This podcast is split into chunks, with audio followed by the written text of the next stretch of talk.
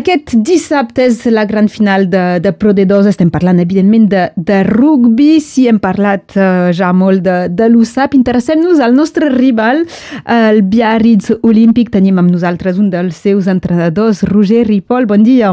Hola, bon dia. Ripoll és un nom que ens sona a tots, eh? com a família del món del, del rugby. Um, com afronteu, amb, amb quina mentalitat uh, arribeu, uh, l'equip basc, uh, en aquesta final de Montpellier?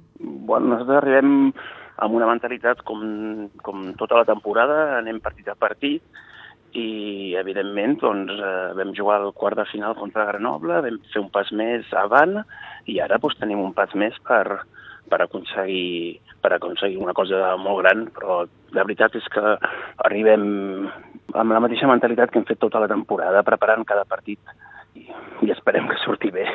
A Bretanya contra Van al final va ser èpic. Eh, sí, però no, no, jo penso sempre que, que, que les coses no passen per casualitat. No? Algun, durant, durant la temporada hem tingut partits així, similars a aquest, i bueno, una de les coses que, que, que fem és sempre intentar lluitar fins al final. El que passa que, que això surt bé quan al final estàs al partit. Si, si, si al final del partit estàs massa lluny, doncs seguim lluitant, però les victòries no arriben. L'USAP ha fet 107 eh, punts aquesta temporada. Uh, Biarritz, esteu en una fase molt, molt positiva, doncs finalment no sé si hi ha realment eh, un favorit o, o un altre. Bueno, jo la veritat és que donar un favorit a una final és difícil, perquè tothom vol guanyar-la, evidentment.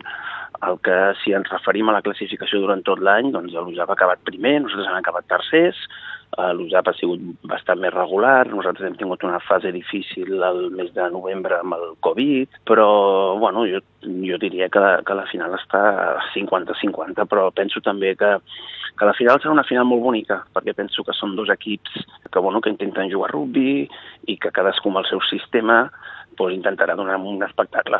I si quin sigui dels dos que, que perdi, que doncs hagi de, de jugar després amb un partit més, um, Penses que pot afectar men mentalment, psicològicament, o els dos equips podrien tornar-se a aixecar i intentar lluitar contra l'equip de, de top 14 que, que li tocarà? Bueno, els, els precedents de 3 anys ha sigut sempre l'equip de Pro D2 que, que ha pujat. O sigui que, bueno, que una vegada més tornem a, a passar un partit sec, que tot és possible.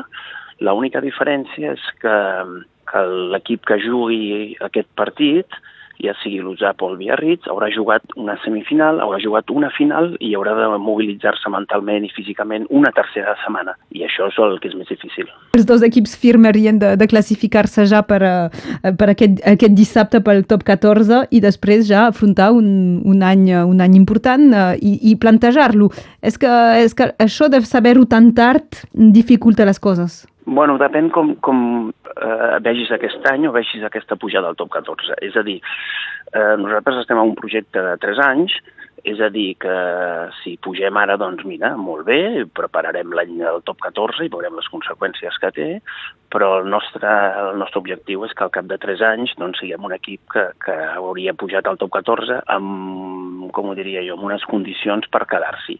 Si, doncs sí, mira, si pugem l'any que ve i serà molt dur, ja ho sabem que serà molt dur, però és que el top 14 és molt dur per tothom, perquè hi ha la Copa Europa que es, que es creua també, Vull dir, no, no, per mi he sentit alguns comentaris com que no, els dos equips si pugen ho passaran molt malament. Bueno, i potser sí que ho passarem malament, però la vida s'ha de lluitar i s'ha d'avançar, perquè si no ens, ens quedaríem sempre al mateix lloc. Doncs aquest dissabte, a partir de les 5 i mitja, que, que guanyi el millor, i nosaltres des de Radio Arrels esperem que els millors seran l'USAP, però us desitgem tota la, tota la sort també. Molt bé, moltes gràcies.